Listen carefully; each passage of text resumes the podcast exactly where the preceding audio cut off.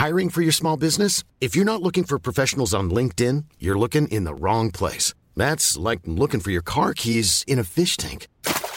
LinkedIn helps you hire professionals you can't find anywhere else, even those who aren't actively searching for a new job but might be open to the perfect role. In a given month, over 70% of LinkedIn users don't even visit other leading job sites. So start looking in the right place. With LinkedIn, you can hire professionals like a professional. Post your free job on linkedin.com slash people today.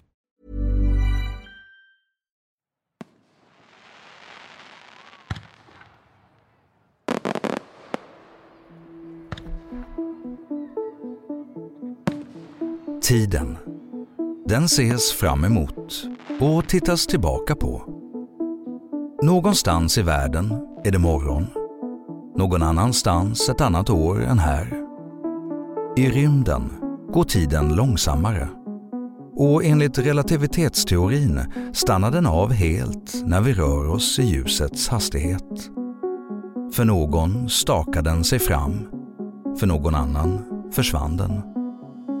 Men att mäta tid, det är något vi uppfunnit och något som kan korrigeras.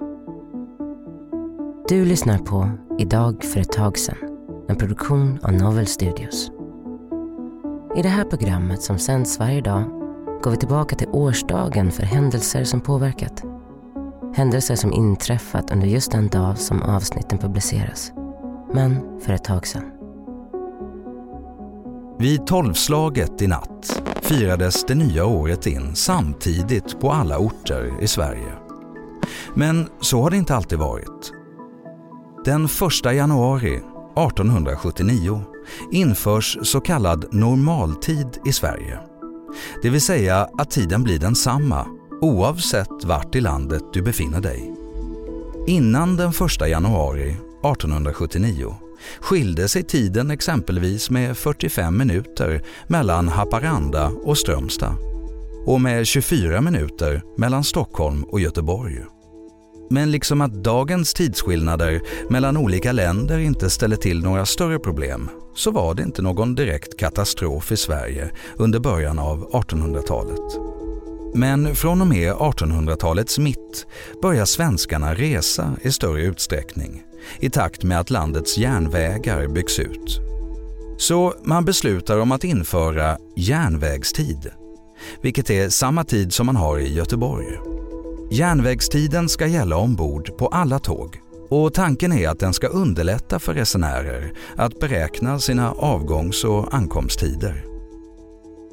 Men att hålla reda på flera olika klockor visar sig vara knepigare än man hoppats.